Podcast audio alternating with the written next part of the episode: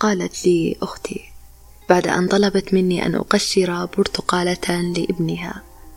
أحب البرتقال لكن لا أحب رائحته في يدي. لذا أفضل أن أتناوله معصورا. لدي مصباح في رأسي لا يعمل بالطاقة إنما بمثل هذه الأحاديث العابرة التي تفتح أبوابا أخرى للتفكير. هكذا أشعر أنني أشع. ولأتخلص من هذا الإشعاع أكتب. سرحت أفكاري في الأشياء التي أحبها. هل أحببتها كما هي أم بحثت عن حيلة لأتعايش معها؟ مبتورة عن بعض صفاتها.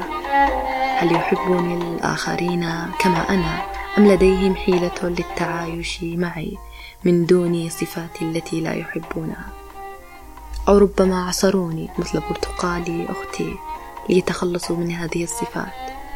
هل فكرت مثلي أنهم يحبونك لكن لا تعرف بماذا مررت حتى استحققت هذا الحب؟ ربما عصروك قشروك كما يفعلون بالتفاحة لأنهم لا يستسيغون طعم قشرتها. نزعوا أطرافك كما ينزعون أطراف خبز التوست. إنهم يحبونك لذا يحاولون أن يخلعون عنك كل الصفات التي لا يحبونها فيك حتى يستمرون في حبك.